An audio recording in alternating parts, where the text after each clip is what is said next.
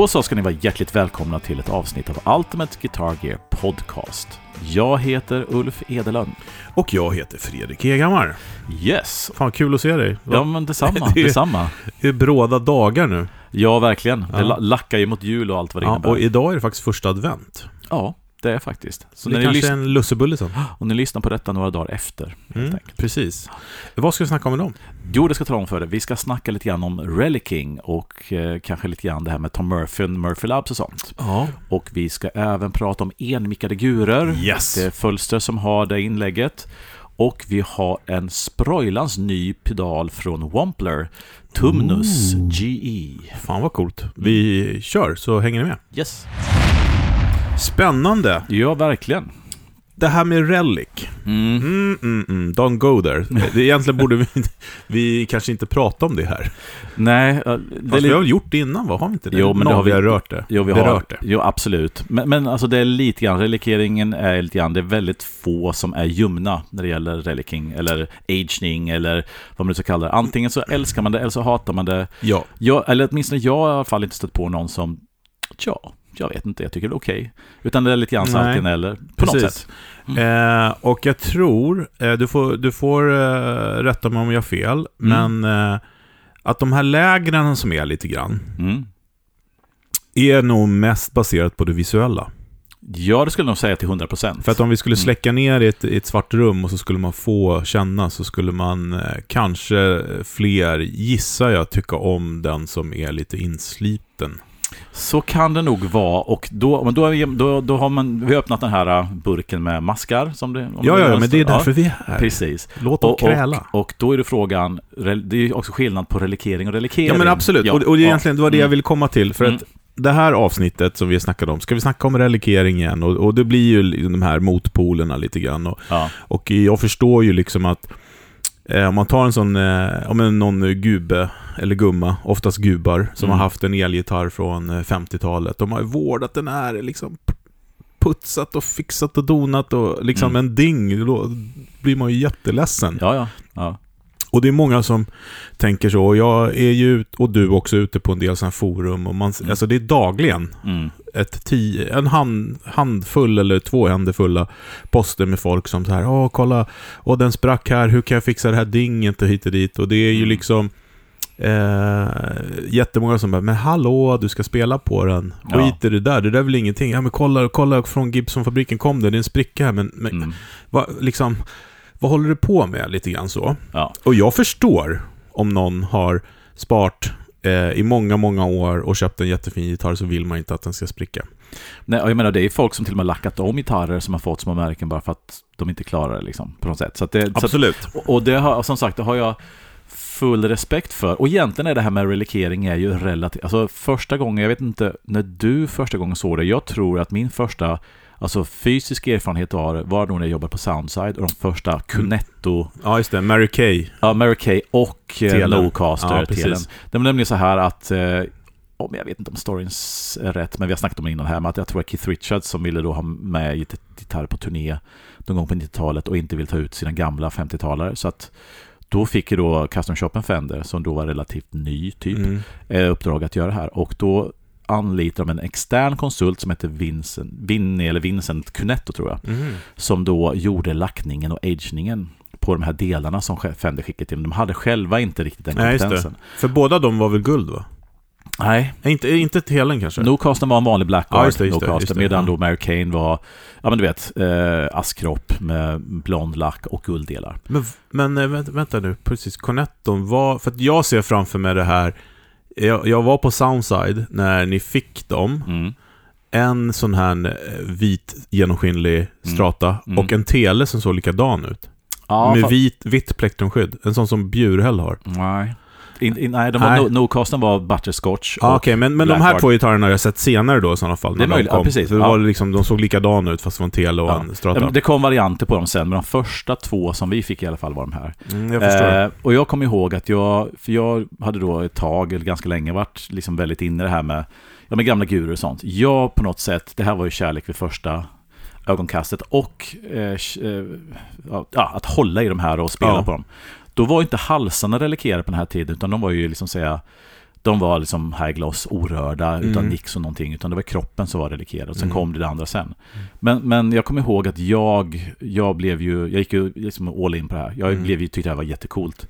Men det var ju många som inte gillade det. Men det, det var, och sen, och sen har ju då det här bara ökat. Och, Absolut, och jag kommer ihåg också det att, eh, jag menar, jag hade ju gitarrer som jag blev jätteledsen när jag fick första dingen i. Min röda Racerstrata till exempel. Mm, Eh, det var inte kul när jag sumpade den i rulltrappan första gången. Eh, eh, och fick ett med gigbagen och boomp liksom. mm, Men jag kommer ihåg att jag såg ju han Harim Bullock. Jag har nämnt honom förut här, Mm. men det var verkligen så här, hans gitarr, jag bara, fy fan, alltså jag har aldrig sett något coolare. mm. Och det var ju lite Steve Ray också, hans där Ja, men det, var- det var ju något, det var Rory Gallagher, det var Stevie Ray och så Ja. var det Iron Bullock som hade de här... Rory Gallagher tror inte jag super- ens visste vem det var Nej, då. nej, men, nej, men, men. Harim Bullocks gura med det här Mm. två handbackers som single coil i mitten. Ja, Han hade två paffar. Ja, Ja. det var så jävla cool. Mm. Och jag kommer ihåg när jag, jag köpte min första Sunburst eh, Strata, en sån här eh, 82 Issue. Mm, just det. Som eh, var krackad. Mm, Liksom, jag åh fan, guld. Och sen fick jag köpa den här blonda som jag hade väldigt länge. mm, just det. Som jag fick köpa av Niklas Sjöberg på Soundside också. Den hade ju varit en dansbandsgitarr, som in och ut, varmt, kallt, varmt, kallt. Ja. Så den var, så, ah, den var så jävla fin. Ja, Och, gjort på rätt sätt. Ja, men, och de var ju faktiskt inte relic. Nej, nej. Men det var Mm. då man fick eh, känslan för, för det här med relic. Och jag tror inte att jag har, eh, förutom tysktelen, så har jag nog aldrig haft en relikerad gitarr. Jo. Ashen till exempel. Ja, okej då. Och Ja. sen, och så, jag tror att du börjar tänka lite grann så börjar det nog dra iväg. Jag tror jag har fler. Tror du det? Ja, det tror jag. Jag är ganska säker på det. Även om jag inte kan liksom på rätt. Men Ashen var ju relikerad, eller hur? Ja, det var den. Ehm, har du inte, ja, men du har väl ägt någon form av... Jag kollar på den här drivved Nordin-gitarren som står där bakom. ja, Den är det är garanterat. eh, Ja, men den är inte relikerad. Den är som den är. mm, Eh, ja, men jag tror inte jag har haft så många. nej, ja, det är möjligt. Eh, nej, det Mm. har jag faktiskt inte. Mm. Ja, jag har nog varit tvärtom. Jag har väldigt mycket... Ja, men min Ronin är relikerad. ehm, min Frank som jag inte har kvar var relikerad. Gustafsson-guren är relikerad. Um, vad är mer? Nya grejer som man haft och har. Du hade en sån här Luxtone. Den LaxTone var relikerad. Ja, men alltså, jag, har, jag har väldigt mycket gillat det där liksom. Jag gillar känslan, jag gillar utseendet och allting sånt. Så Ja, jag, jag håller jag, med dig. jag, är en, jag är en sån här uh, riktig så här liksom.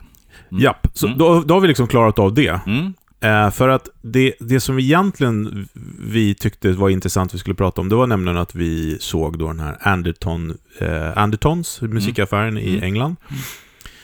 De var och träffade Murphy själv, Tom Mm. Murphy, Yes. på Murphy Lab. Och Mm. pratade om det här med relikering. Mm. Och de var inne lite grann på det här stigmat kring det som vi också. Mm. Men det som var intressant, det var ju liksom det här, den tonala aspekten. Just det, som väldigt få snackar om liksom. Mm. Exakt.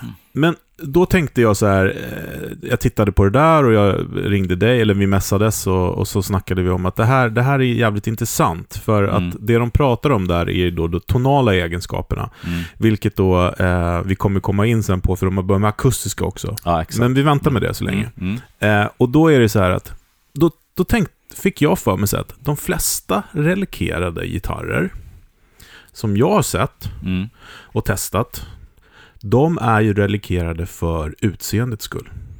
Ja, eller... Och käns lite känsla. Ja, och jag tror, eller både ja och nej, eller ja, alltså jag tror att det här uttalade eh, att det här är inte bara för utseendet har ju nu kommit sista tiden, men jag tror att väldigt många som har gjort de här lackerna, för då, när man får, du måste göra cellulosa för att det ska kunna spricka och allting sånt, jag tror du kanske använder något, men då har du också inom grundidé om att det är cellulosan du vill ha för att det var så det hade på gamla och de gamla lät bra. Men det är kanske inte är det som har varit fokuset kanske. Jag. Nej, nej, jag tror inte det. Framförallt när jag tänker mig på de som... eh, Jag tycker, eh, vi, vi, vi, kan, vi kan röra oss kring Gibson och Fender. Sen finns Ja. det massa andra som... Eh, ingen nämnd, ingen klämd. Men det är ju Mm. väldigt få som är duktiga på relikering, Mm. tycker jag. Ja, men precis. Eh, och, och vissa är väldigt duktiga. Och det säger sig självt när en sån som till exempel eh, Florian i, i Tyskland, där folk Mm. skickar sina gitarrer dit och han plockar så här, de sätter ihop dem och lackar och fixar. Och Mm. nu den här 8-bomb, ryssen, Mm.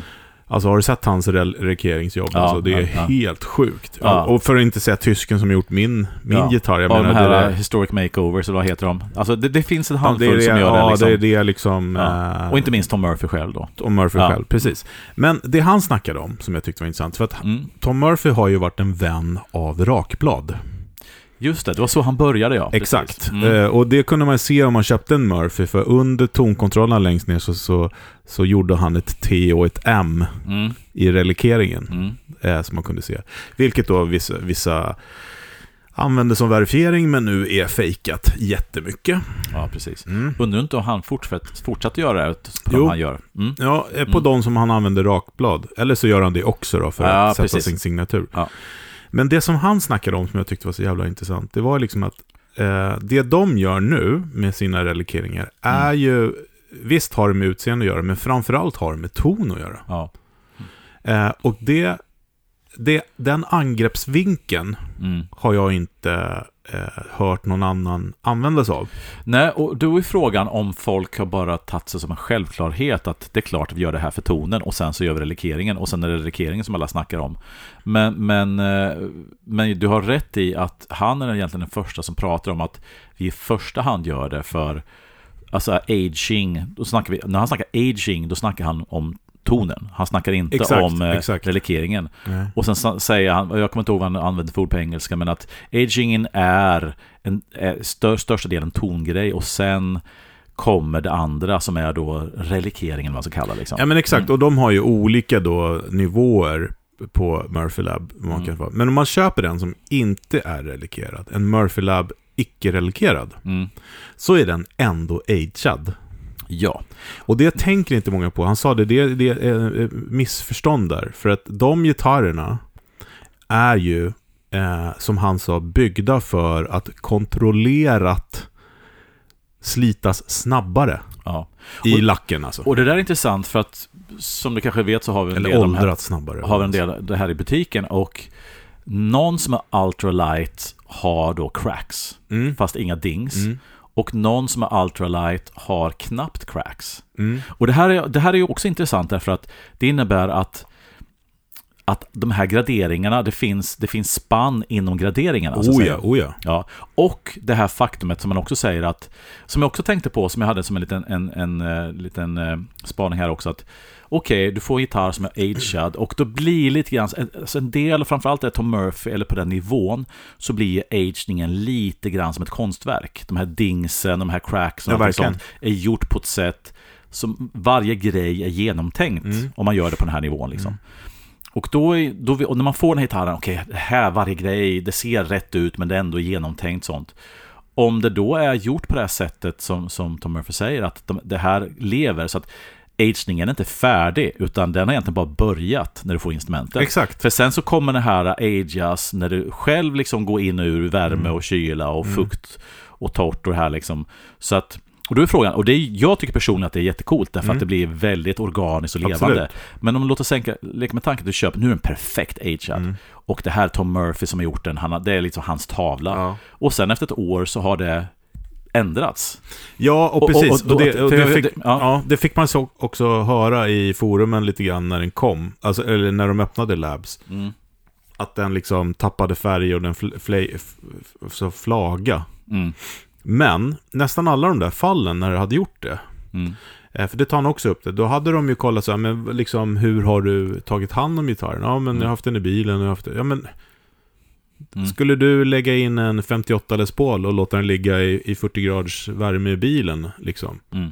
Nej, nej men varför gör du det med den här gitarren då? För, Mm. Mm. för att liksom det påverkar så mycket. Mm. Och, och, och, då om man har gjort en, en, eh, en åldring av lack, alltså utan att den har krackats och relikerat, utan åldrat det som de säger då, gjort den så här tunn och hård och för tonala aspekter.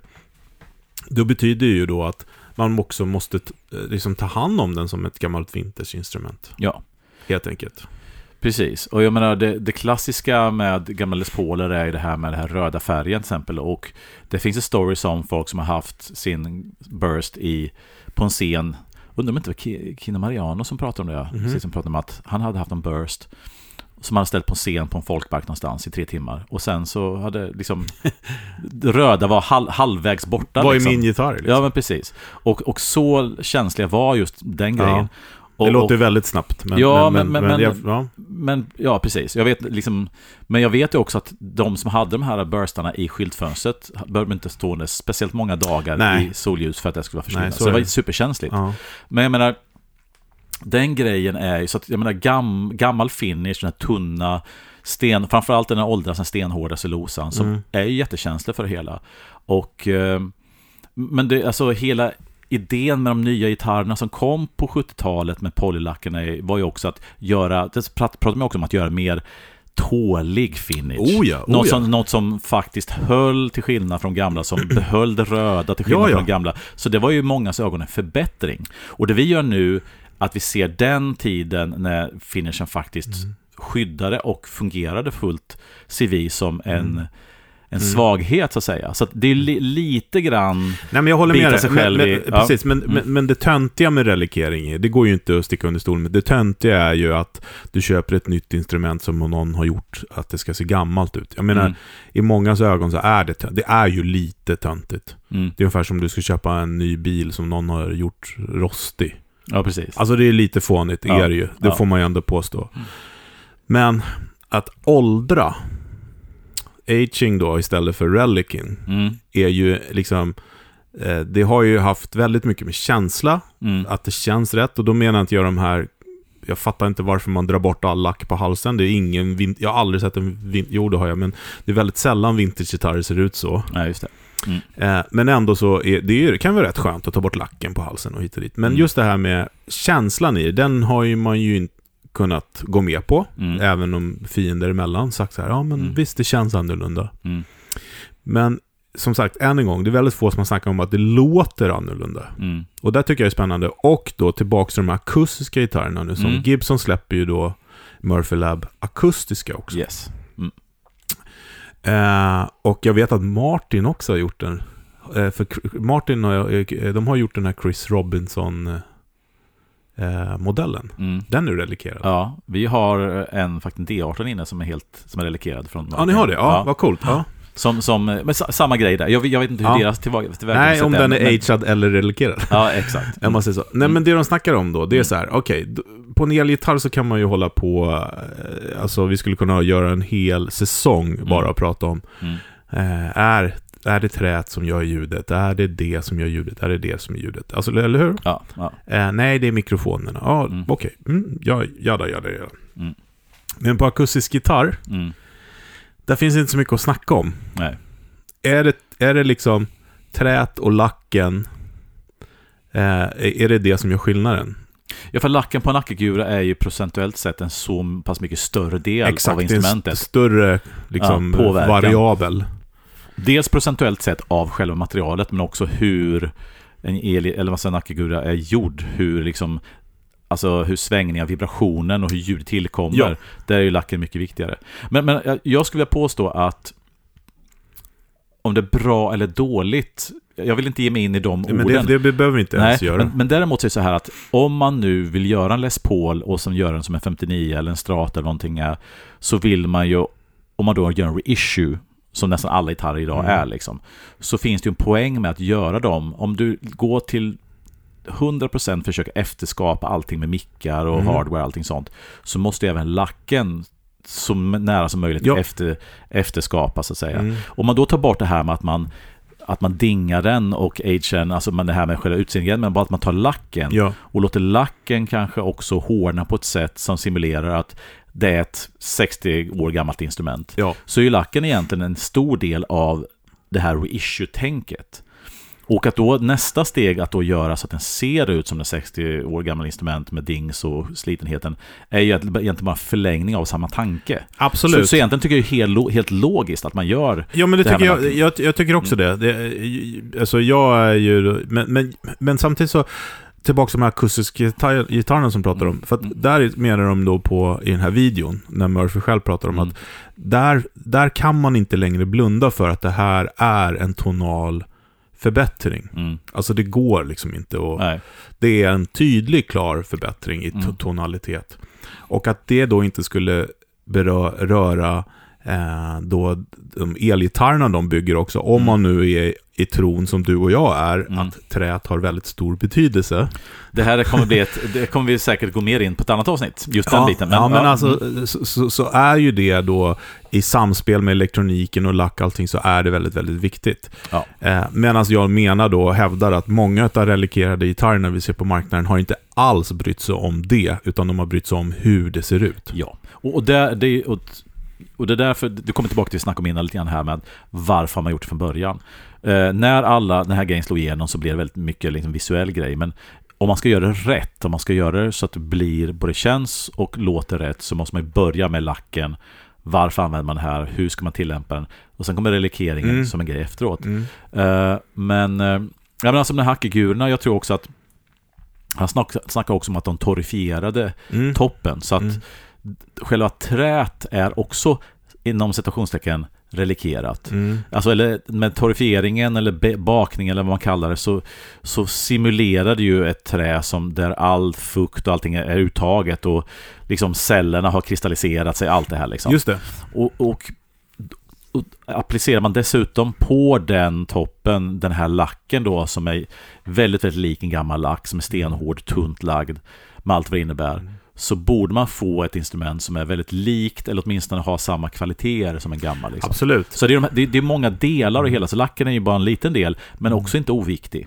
Nej, verkligen inte. Och Mm. det, det, det handlar också om eh, när du sätter på lacken. För att jag vet, Rokanga var ju tidig med, med det här med termo. Mm. Eh, med, med, eh, nästan före stora drakarna med att göra liksom så här värmebehandlade och, Ja. och rostat. Han Mm. kallar det inte för rostat tror jag, han kallar det för något termo någonting. Mm. Men jag för mig att jag läste en artikel om det där när han hade gjort det på en bit och sen så liksom ställt den där biten i, i, i, eh, i hans verkstad. Mm. Och det var, dröjde inte länge innan den var fuktig igen. Ja. Så att träet är ju leva, alltså det, man kan ju inte, ta inte död på träet bara för att man rostar det så att säga. Så att Nej. det gäller ju att rosta det då och sen så lackar det så att man stänger, för sluter det. ja, precis. Eh, jag vet inte exakt hur den fungerar liksom, och hur den processen är, men det låter väl rimligt. Liksom. Ja, men och, och också gamla instrument som har torkat då inom citationstecken Mm. är ju liksom, de blir lättare och de blir mer resonanta, de blir hårdare, eh, skörare helt enkelt Mm. med tiden. Om de har levt i ett sånt klimat. Det är Mm. inte alla som blir det, utan Mm. Men eh, några kan du. Och på akustiska gitarrer tycker jag att man framförallt kan känna det. Eh, och eh, som jag nämnde i det tidigare avsnitt när, när vi pratade om akustiska gitarrer, jag har lite gas på någon Acke. Och där är det ju verkligen stor skillnad. Där, där kan man ju hitta en, liksom en Ibanez eller en Yamaha eller någon annan sån här japansk Mm. eh, lawsuit-gitarr. Som, Mm. som nu har liksom torkat till och blivit sådär stenhård. Mm. Som låter fantastiskt. Mm. För, för en eh, bråkdel av vad en, en Gibson eller en, en, en Martin kostar. Mm. Ja, men precis. Nej, men det ska, det ska bli jätteintressant att se hur, hur de här uh, Tom Murphy-ackorna, eh, hur de för sig och hur de eh, fungerar gent, både gentemot Martin och dels deras vanliga så att säga. Ja. Det ska bli väldigt intressant. Men jag tänker komma tillbaka till det här med, med, med lacken då också, som jag också berört det här. Det är ju, vi har pratat mycket ljud och aging, agea lacken så att den låter rätt. Men det är också det här taktila. När man får till den här liksom cellulosalacken och den inte blir så här klabbig som vi också pratat om. Absolut. Utan man får till den här hårdheten och torrheten i det. eh, Så blir det också en känsla som är annorlunda. Precis, men Mm. det som jag tycker är så jävla bra med det här, eh, att de går ut med det här och informerar och att vi gör det nu kanske också, Mm. lite grann. Det är ju liksom så att de som har den här motståndet mot att en gitarr är färdigrelikerad, Mm. Kan ju nu då, om man gillar Gibson, Mm. köpa en Murphy Lab som inte är relikerad, men den är agead Ja, just det. och själv då slita in den. Ja. Eh, men vill man ha, eh, som han säger också, vill du ha en gitarr som inte slits, Mm. Ja, då finns det andra modeller hos dem att köpa som Ja. inte rör sig i lacken eller spricker. Och, Nej, precis. Och den här VOS-varianten på custom shoppen eller bara vanlig high gloss på amer- ja, amerikanska precis. scenen, så- Exakt. Men just det coola är att du kan köpa ett Pristine-instrument om du är av den... Eh, vad vad säger man? Eh, att du tycker att jag ska själv slita in gitarren. Mm. Det ska inte vara någon som har gjort det åt mig. Nej. Och då kan man köpa en sån som, som ser ut pristine, men Ja. egentligen när du tar den från butiken in i bilen så kan det, finnas, kan det råka spricka. Mm. En annan aspekt som, som Anderton är inne på med intervjun med Tom, det är ju också eh, hur, man, hur man ställer sig för ett instrument. Mm. Och det tror jag här är en stor grej som jag tycker, utöver det här med hur det låter och hur det ser ut och till viss del hur det känns. Det är en grej som är berört nu och den är ganska uppenbar. Men som det som han nämner också det här med hur man... hur man- Trakterer. Ja, exakt. Hur man, hur man alltså jag kom ju, när jag fick min här, den här alltså replika Les Paulen så var den inte relikerad, den var helt ny. Och jag kommer aldrig glömma, som vi sa innan, den här första dingen jag gjorde, jag smällde rätt in i en bänk Ja. och jag vet inte, jag mådde dåligt i två veckor efteråt. Eh, men de instrumenten jag haft som har varit färdigrelikerade, inte minst min tele då, Mm. Den bjuder in till dans direkt liksom. Så är och det. jag tar, alltså, jag tar med den på alla gig, Mm. den har aldrig, det har aldrig varit en issue om att Ja men den, den hade till och med ett sånt här pissdåligt gammalt Priel gigbag som smälte så lacken, Ja, det. har jättefula märken efter fickan på den här liksom gigbagen Just där, platt, där, sma, där liksom plasten re, reagerade med cellulosalacken. Mm. Men det gör inte så mycket för att den var så relikerad innan så Ja. att eh, det det ser inte rätt ut men skitsamma. Hade då det, låt oss säga att det hade varit en gitarr som jag hade som inte var då relikerad Ja. och få den här liksom smälta plastgrejen på framsidan av gitarren. Jag hade ju liksom, man hade ju inte kommit över det. Nej, jag blir kall i kroppen bara du pratar Ja, om men eller hur? Så, jag menar, jag tror att, att relikeringen är inte bara, om, om man skiter i allt annat vi pratar om, så är det också det här att, ja men det är ett instrument som jag törs ta med. Även om det är ett custom shop-instrument som är svindyrt. Mm. Är det relikerat så är det någon mental spärr, åtminstone Mm. i mitt huvud, som är borta tack vare relikeringen. Jo, jo, absolut. Och det, så, så, är- så är det. Och, och, och, den, och den grejen har, berör man inte så mycket när man snackar om det, men jag tror att för mig och många kanske är det lika viktigt att dörren är öppen, förstår du? Det är Mm. inte en dörr som man måste slå in eller få upp så här och sen ska man göra de här första dingsen som gör så ont och sen nu är jag över tröskeln för nu har jag gjort de här dingsen. Mm. Utan dingsen är gjorda. Ja, ja, absolut. Ja, att, att det faktiskt gör att man spelar mer och kanske spelar annorlunda på de här instrumenten än en klockrent spegelblank Mm. gitarr. Liksom. Ja, nej men det håller jag med absolut om. Eh, 100 procent. Det är en rolig historia han berättade också. Att det var, jag, nu kommer jag inte ihåg namnet, poddhjärnan som vanligt, men de hade ju gjort, eh, då way back när han började hålla på med det här, Mm. Murphy, så hade de ju gjort en Les Paul till någon gubbe. Han vill inte avslöja vem det var. Jag tror inte han sa det. Han det sa var. kanske inte vem det var. någon tidig, jag tror det säkert var Dickie Betts eller något sånt där, säkert. Ja, men han hade Ja, liksom mm. kommit på turnébussen med en exakt kopia utav hans gitarr då, med dings och allting. Mm. Och han bara, men vem vill ha en sån här? Ja, just det. Den är ju förstörd. Jag Mm. trodde ni skulle göra att den, så, alltså att den var nyskick. Ja, ja, som när jag köpte den liksom. Då har de liksom stått där i månader och försökt få den att bli exakt som hans liksom. Ja. Och, Och det- Snacka om att totalt missförstå konceptet. Ja, men ja, ja och, och du, du sätter ju också fingret på det här med olika generationer, olika, olika sätt att se ja, på ja, det. absolut. Ja, men den här killen, om du, oavsett om det var Dickie Betts eller vem det nu var, Ja. han, är, han var ju uppvuxen med det här med att shit, det här har blivit så på grund av turnerandet. Ja, vad Jag- tråkigt. Ja, vad tråkigt. Och hade jag kunnat ändra det så hade jag säkert gjort det, fått en snyggare. Och många av de här, den generationen lackade om också, fixade i ordning Ja. det här. Eh, medan våran generation kanske skulle säga att ja, nu fick det en liten crack till, vad coolt. Det blir ännu mera min. Mm. Så det, det, det, det, kan vara en generationsgrej, men också en inställning till hur man ser på ett instrument och varifrån man kommer. Liksom. Ja, verkligen. Men, eh, ja, Och det var ju väldigt, och väl, var ju väldigt många instrument också som eh, blev röda. Stratacosters som blev röda på 60-talet där. Ja, ja, Hank Marvin Ja, förstås. precis. många, många Sunbursts som både lackades om hemma och till fabri- fabriken. Ja, absolut. Det här med Sunburst, eller så Red over Sunburst, Ja. det är ju antagligen därifrån. Mm. Så lite grann Mm. så. Nej, men som sagt var, relikering, eh, vi, vi lägger till en nivå till på det helt enkelt, i och med det här ljudnivån helt enkelt. Det vill säga den här aspekten om att det faktiskt, eh, beroende på vilken gitarr såklart. Än en gång, jag ska understryka det att jag tror fortfarande att 95% av gitarrerna som är relikerade ut på marknaden är, gör det för att det ska se ut. Ja, det tror jag. Eh, Och, inte, och, och för känslan, ja, men kanske inte för ljudet. nej. Och, och eh, ja... Alltså, Jag kan ha fel. Jag kan nej, ha nej, fel. men precis.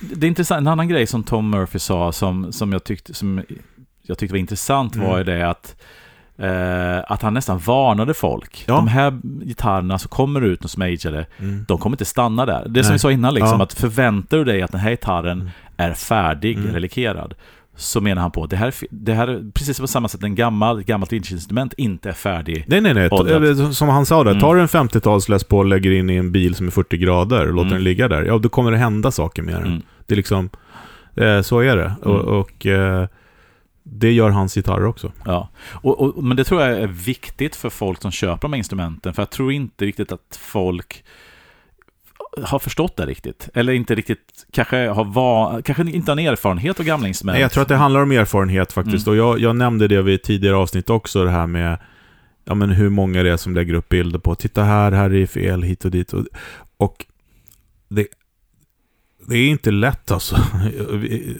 Vi, kommer till ett framtida avsnitt här, så vi pratar om lite mer om vintage-grejer, men alltså man kan bli galen på Mm. att all kunskap... Alltså man tänker så här, det är inte så många delar. Mm. Men det är rätt mycket att hålla reda på. Ja, Ja, de modeller hit och dit? Och vad gör det? Varför ser det ut så här? Oj, nu är det en spricka där. Ska det vara det liksom? Mm. Mm. Eh, så att, ja, det är nog många som köper saker, inte bara gitarrer, utan saker i livet. Mm. Som kanske inte har full koll på hur liksom att, ja, det rör sig, det spricker lite och det och sånt. Och sen så kan det ju finnas fabrikationsfel såklart. Jo, absolut. Så är det ju. Ja. Det ska vi inte säga. Så att eh, ni som sitter och har instrument med fabrikationsfel, när stora lacksläpp och sådana saker, Mm. det är ju en annan sak. Mm. Mm. Eller om det liksom, man köper en ny gitarr och det är en grop i toppen för att Ja. den har fått en smäll. Men Mm. det, det är inte det jag pratar om. Jag pratar Nej. om det här Eng, Angel Hair-grejerna som kommer, Mm. som ska komma. Mm. Om den är det är det som också är grejen. Alla de här grejerna vi pratar om, det är sånt som ska komma om det är autentiskt. Alltså om det är äkta och riktigt. Och då snackar vi alltså om väldigt tunn och väldigt hård cellulosalack.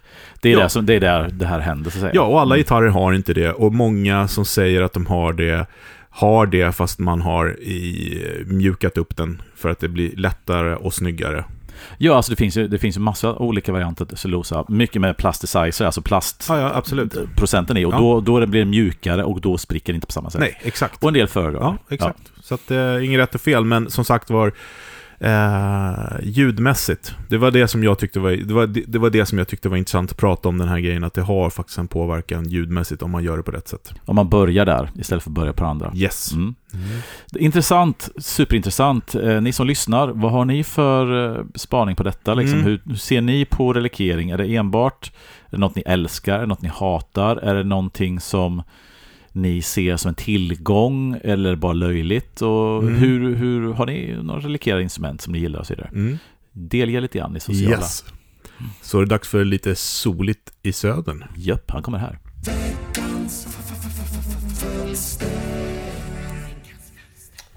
Alright, då kör vi veckans fölster. Och jag tänkte snacka den här veckan om gitarrer med bara en mick. Jag tänker såklart främst på Les Paul Juniors, Esquires, Firebird 1 och SG Juniors. Det vill säga enkla gitarrer med en enda potent stallmick. Vi kan ju direkt här slänga in en honorable mention till de Gibson-burkarna som bara har en mick men då i halsläge. Ofta 50-talare med en P90. Intimt förknippade med jazz.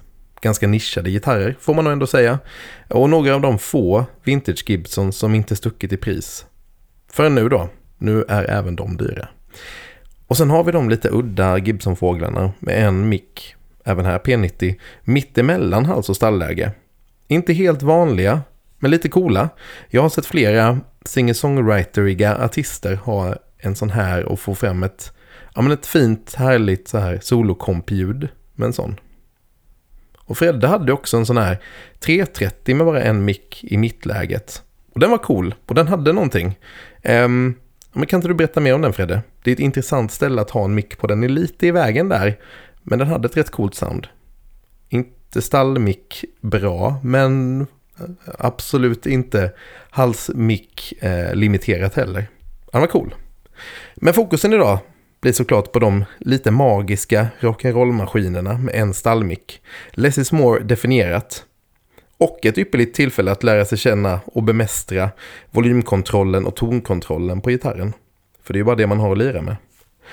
Eh, alla sådana här gitarrer som jag har testat, från Epiphones ruggigt billiga till vintage, har haft något härligt, öppet, levande över sig. Något lite ärligare, lite direktare, en renhet.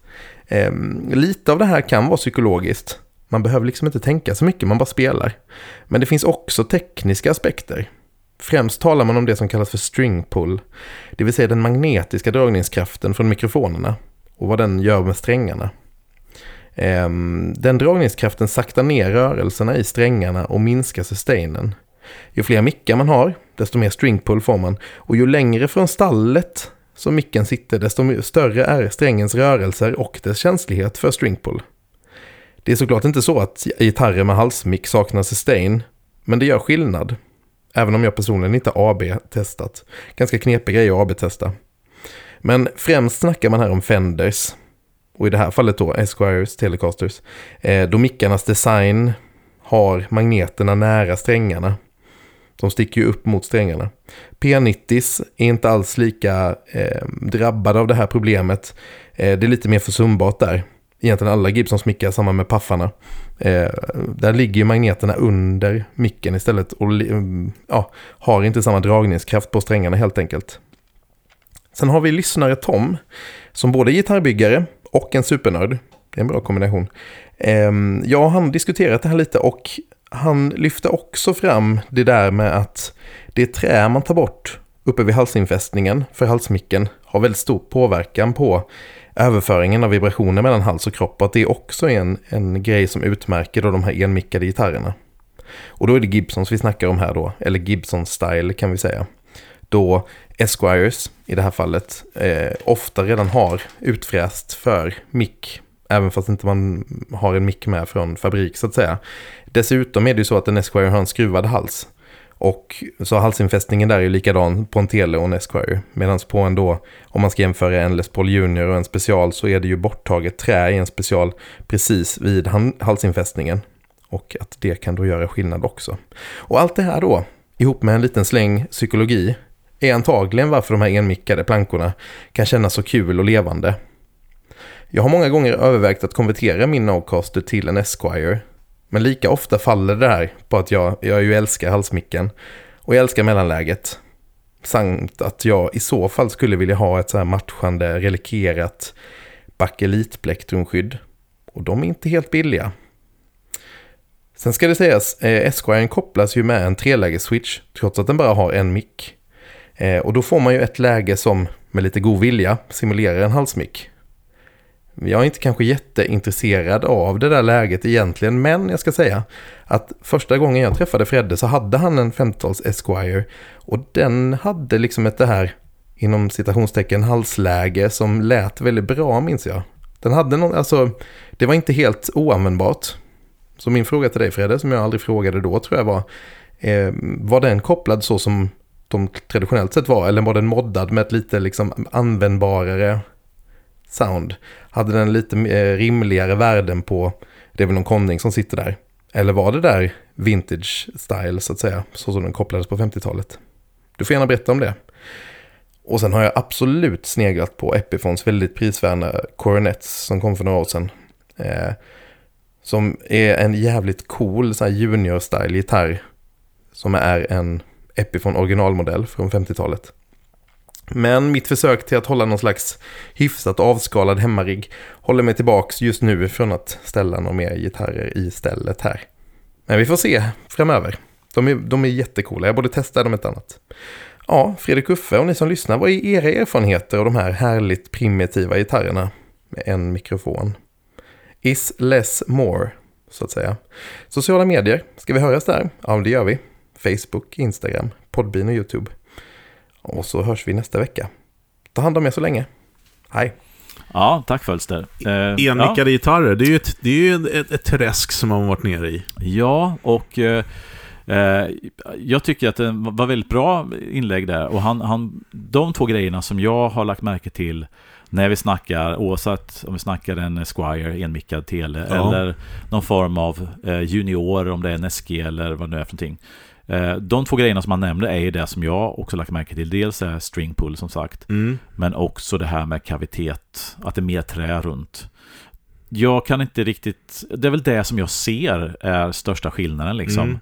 Mm. Uh, och, och jag, jag ska inte säga att det är vetenskapligt, men min spaning är ju att nästan alla enmickade har någonting som de tvåmickade inte har. Mm. Naturligtvis har ju tvåmickade då det som enmickar inte har, men möjlighet, möjligheten att ha obviously. ja, de här magiska mellanljuden och inte minst den här coola halsljuden.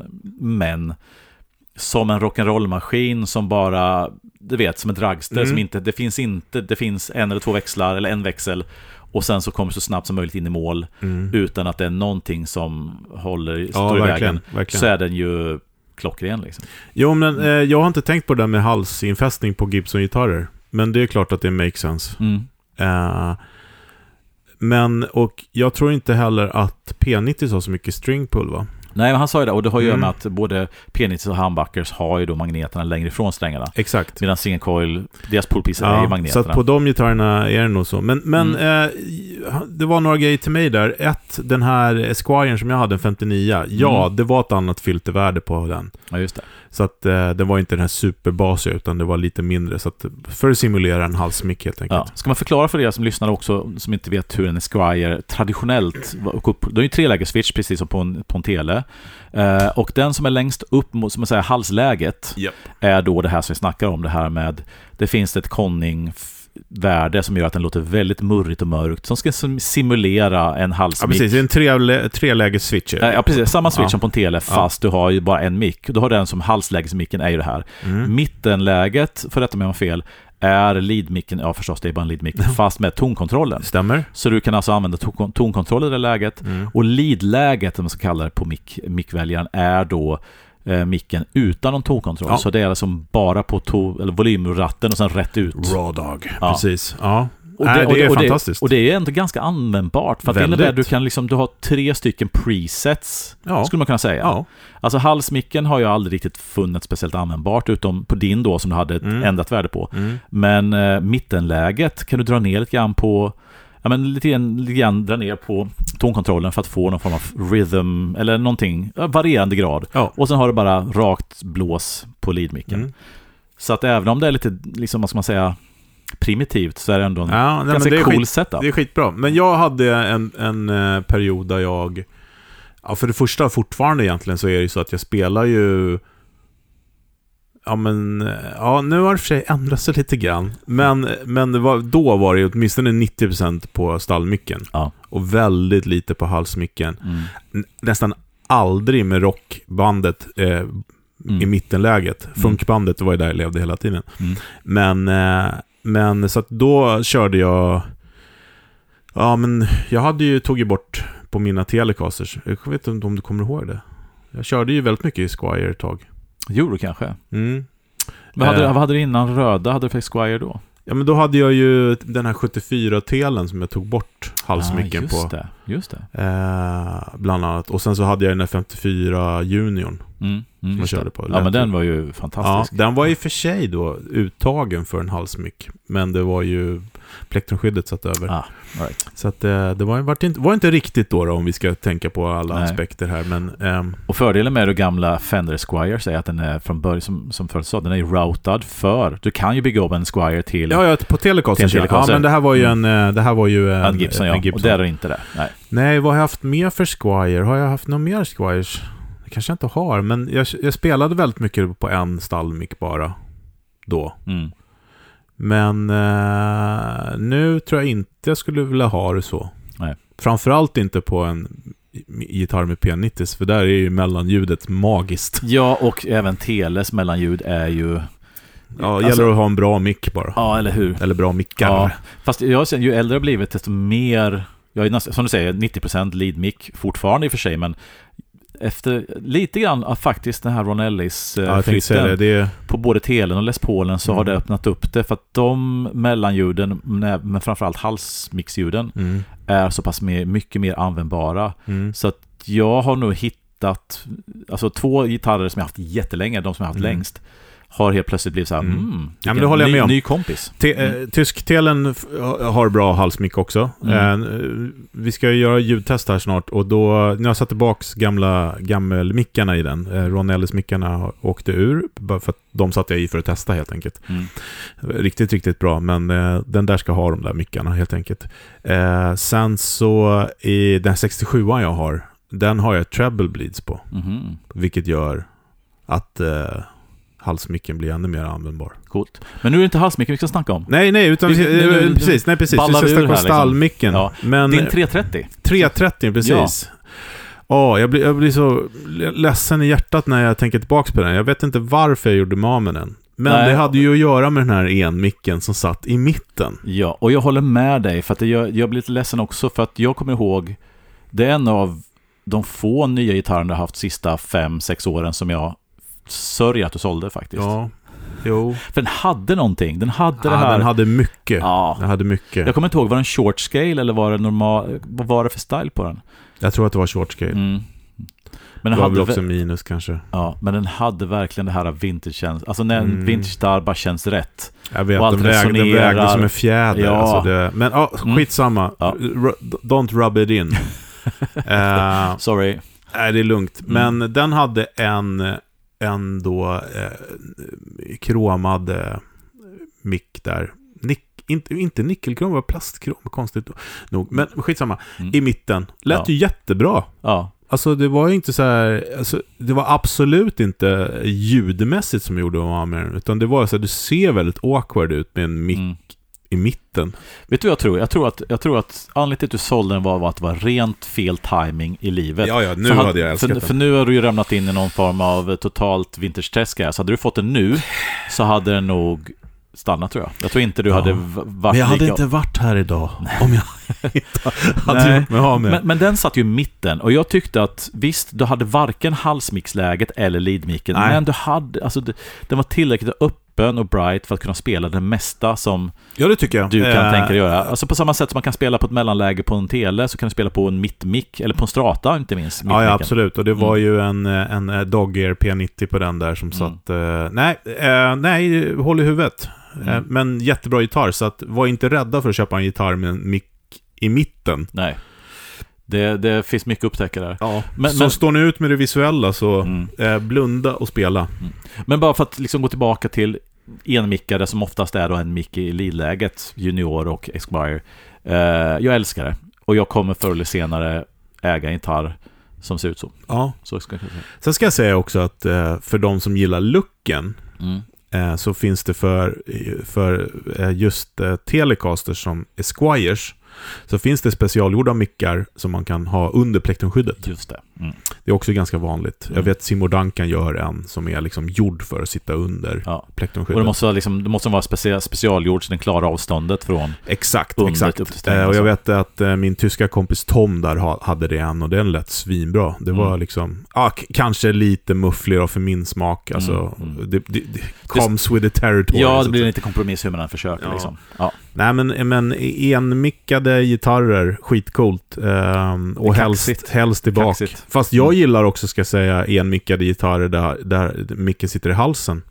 Inte riktigt min grej. Nej, men Mm, då... mm. eh, När du får in, för det kommer du säkert få, de här skolgitarrerna, alltså Mm. Fender-gitarrerna, där Just sitter det. en mick i halsmicken. Det är något magiskt med dem faktiskt. Mm. Eh, så eh, vi återkommer till det. Ja, helt klart. Men jag Coolt. föredrar den där bak, Ja, ja precis. hur det nu lät. Ja, eller hur? Ja, Nej, nu ska vi ehm, ta oss vidare. få tummen ur röven, att Ja. säga. Tamnus. Yes. Det kommer här. Japp. Veckans pryl. Yes, veckans pryl. Världspremiär. Världspremiär och vi är lite före resten av Åh, världen. det är inte alltid. Nej. Vi spelar ju in eh, oftast två avsnitt åt gången. Mm. Så att ibland har vi ju lite trubbel med det här med att vara liksom först på bollen. Ja, Det är tisdagar och ibland spelar vi in i förväg som sagt. Men den här gången så är vi till och med ett, ett par dagar innan. yes. Så sorry om vi fuckar upp någons eh, release-schema, men vi är first on the internet. Ja. Och vad är vi först med då, Fredrik? Förklara. Ja, just det. det. Det handlar bara om att vara först. Ja. Nej, men det är Wampler. Eh, vad har vi på Wampler? Varit med jättelänge. Ja, Brian Wampler är väl en av de... Eh, en av pionjärerna inom eh, den så kallade butikvärlden inom pedal. Har funnits skitlänge, har gjort massvis med klassiska klassiska butikpedaler. Det får, det Mm. får jag lov att säga. Mm. Eh, både du och jag har ju haft Plexi Drive som är väl en av Ja. de bättre Plexi Ja, Marshall in the Marshall Box. Box varianterna, absolut. Jag har både haft en tidiga eh, krämfärgade och den senare deluxen med engelska flaggan. Och han är också en sån som, eh, jag har sett en intervju med honom, han eh, har ju lärt sig att bygga pedaler genom att hänga på forum. Mm. Och han är fortfarande hänger på forum och Mm. ger tillbaks väldigt mycket till communityt. Som Ja. alla de där toppbyggarna faktiskt. eh, Det är fantastiskt tycker jag. Så Mm. all heder åt det. Men Yes. han kom ju då med sin klon-klon. Ja. Eh, not a clone. Nej, det var ju JHS det. Mm. Men eh, som heter Tamnus. ja. Och det finns en stor och det finns en liten. Tamnus Deluxe som har de trebands EQ och ursprungs-Tamnusen som har då gain, volym och ton. Precis. Ja. Det här är då en minipedal. Precis som Tamnus, ja Mm, precis. exakt. Mm. Eh, och istället för... Vad har vad, eh, diod? Eller Ja, alltså det finns ju... vad har klonen som det, är... jag, jag kommer inte exakt ihåg det här eh, och det finns ju väldigt lite information om den här än så länge. Men den här heter då Tamnus Germanium eller Tamnus, Tamnus GE. Så att här har du en, eh, en germaniumdiod istället för någonting annat. Jag vet inte exakt vad det var innan. Som gör då att man går ifrån lite grann det här cleana headroom clean boost-grejen som går över i någon form av lite mer tube screamer liknande mid. Eh, och när man då gör den här G-varianten så får man då, ni kommer få höra snart, men alltså det blir en liten annan karaktär på det hela som, som påminner lite mer om kanske en fast face, fast ändå inte riktigt.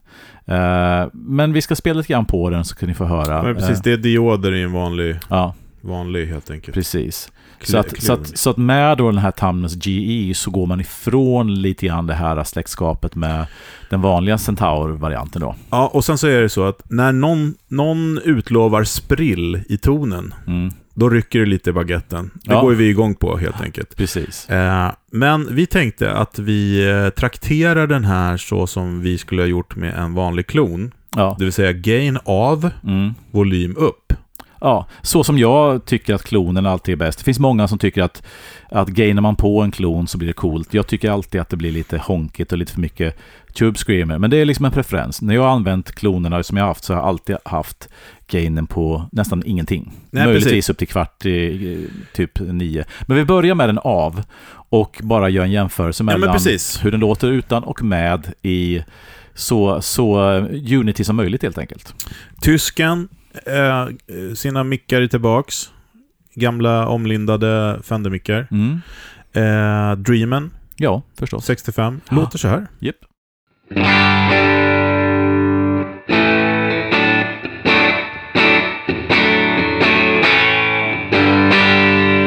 Tackar, tackar. Ja. Det bör ni känna igen vid det här laget. Ja, eller hur? Eh, då har vi då gainen. Jättebra helt- grundljud. Jag bara slås av det varje gång. Ja, men det här är färdigt. Ja. Ja, men det funkar. Gain av, ja. eh, ton i mitten klockan 12 Mm. och volym Unity. Ja, vilket... Och vad är Unity? Jo, om det är att det försöker vara lika högt eh, på som det är när det är av. Ja, och den står på cirka klockan 9-10 någonstans. Ja, precis. Eh, och vi kan testa att göra... Vi testar så här först, helt enkelt. Då, utan. Med.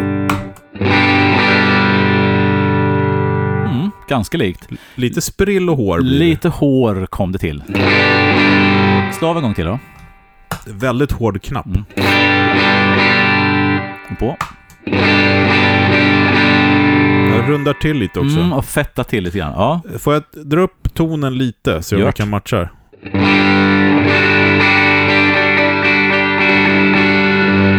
Nej, det är mer att den blir... Precis, den fettar till det lite. ja. Mm. Eh, men du, eh, när jag hade min klon, då använde jag ju den som eh, ett, eh, liksom boost, clean boost. Just det. Så gainen är fortfarande av som nu, men Mm. jag drar upp tonen till 11. Du menar volymen? Nej. Volymen, förlåt, jag Ja. menar volymen. Och då utan.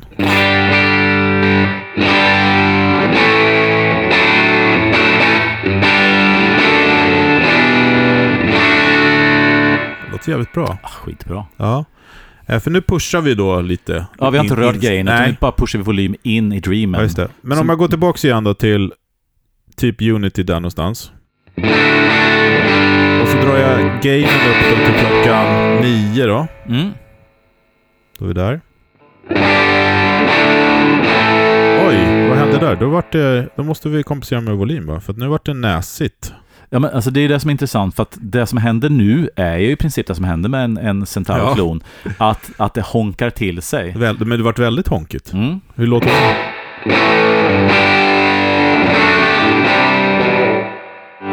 Det här är tonen, precis. Mm. Nej, vi gör ju fel. Vad gör du? Nej men jag gjorde fel. Den, det här är volymen. Men, Okej, vad vad är tonen upp till höger? Den, ja, precis. Volymen som vi, vi trodde var volym, eh, det var ton. Mm. Eh, utan nu ställer vi in igen då, sådär som vi försöker hitta Unity med tonen rakt upp Mm. och eh, volymen, om du spelar rent. Mm. Ja, just det. Nu låter det mer rätt så att säga. Ja. Ja, sorry, sorry. Mm. Eh, Okej, eh, då provar vi igen. Här är det alltså rent utan. Rent med. Ja, då är den ju transparentare helt enkelt. Ja. Eh, vi drar upp då som jag sa, som jag använder, volymen då till klockan eh, 12 då. Alltså du, mer än innan då. Då Mm. låter det så här utan. Ja, då är det mer clean boost ja. ja, och då lyfter den på det här feta, coola sättet som man är van vid att höra med en klon. ja tonen är fortfarande 12 helt enkelt. Yes. Vi kan sätta den eh, klockan tre, så ser jag hur det låter. Mm. Ja, tillbaks till 12. Okej, vi låter den vara där. Så tar vi då gainen upp till klockan 9. Mm.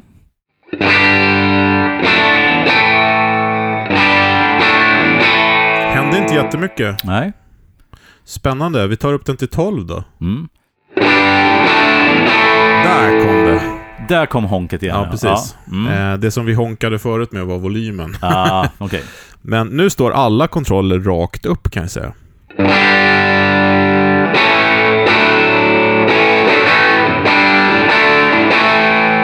Möta den med lite, ge- med lite eh, topp? Ja, men lite grann. Ta den till bara lite försiktigt till Så, klockan ja. ett någonstans. Ja.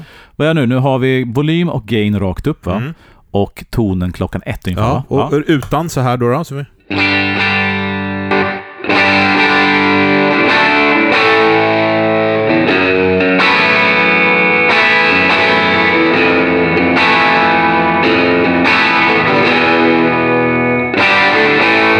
Snyggt ljud. ja, verkligen. Du köra ännu mer gain då? Klock- Ja. Klockan tre.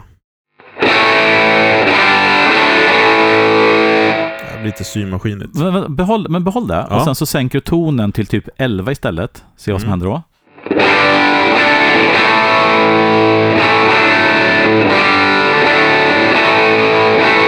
Tillbaks Ja. till 12 kanske? Ja. Någonstans. Ja, det- Svårfint där. Ja, det, det, man hör att tonkontrollen gör ganska mycket. Det är inte bara toppen, det är någonting med mellanregistret Mm. också. Ta den till 11 igen. Jag tror- tyckte ändå att det var... Där någonstans. Vi Mm.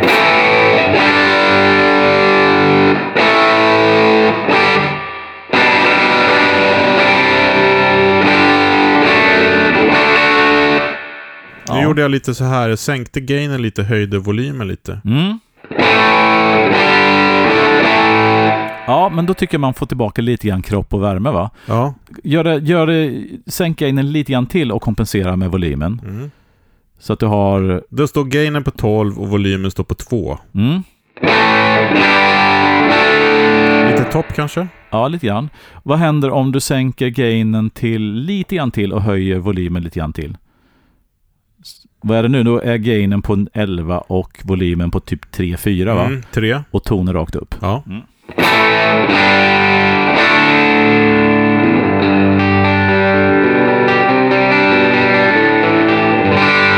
Tycker jag i det här, är, är jag, jag fattar ju att det här kommer låta mycket annorlunda i en förstärkare Ja, faktiskt. För nu bör, tycker jag det börjar ta ut varandra. Mm. Då är det liksom bättre att sänka volymen lite grann och, och höja upp den sådär. Kanske. Så som vi var innan, typ Ja. allt rakt upp liksom. Allt rakt upp funkar liksom. Ja, Ja men coolt alltså. alltså ja det, är en, det är en häftig. Jag tycker ändå att det här eh, germanium-tricket i den här kretsen eh, låter gött. Ja, jag tror att, alltså, jag som vi snackat om innan, jag har inte allt, jag har inte varit, alltså, jag har använt clown, clownen, Clown. precis. Freudiansk Ja, eller felsägning. hur? Centaur, jag har använt den som, som clean boost och då är liksom, har en pedal som idag kostar 60 000 eller vad nu kan vara, som clean boost så har jag tyckt var, snack om overkill. Mm. Men den här har, den, jag tycker den här känns mer användbar för mig Ja. än, än vad den vanliga klonkretsen är Vi faktiskt. gör en sista grej. Mm. Eh, Jag tar gain på noll och så tar jag volymen på alltså tre toner rakt upp. Och så tar vi rent först. Nu ska det liksom så som vi använder det typ förut. Absolut. Ja. Och då... Nu är Dreamen simulerar ju ganska bra, men den är ju inte i närheten av vad en rörstarkare hade svalt det här. Nej, inte riktigt så. Nej, och det här hade ju låtit magiskt bra, det hör man ju. Ja.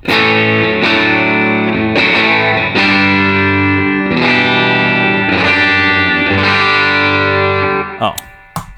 Gött. Kul. Ja. Tamnus, Womp, nej, Wampler Tamnus Germanium. Cool pedal.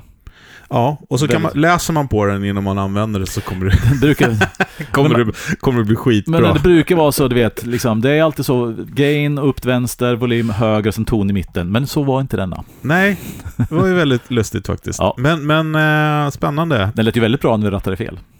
Faktiskt. Ja. Det var lite mycket näsa där bara. Men, Ja, precis. eh, I min smak, men eh, det, det rådde vi bot på. Ja. Så en hår, vill ni ha en hårig klon, Ja, så eh, titta på den här. definitivt. Men på återseende. Definitivt. Ciao! Ha det gött. Hej då!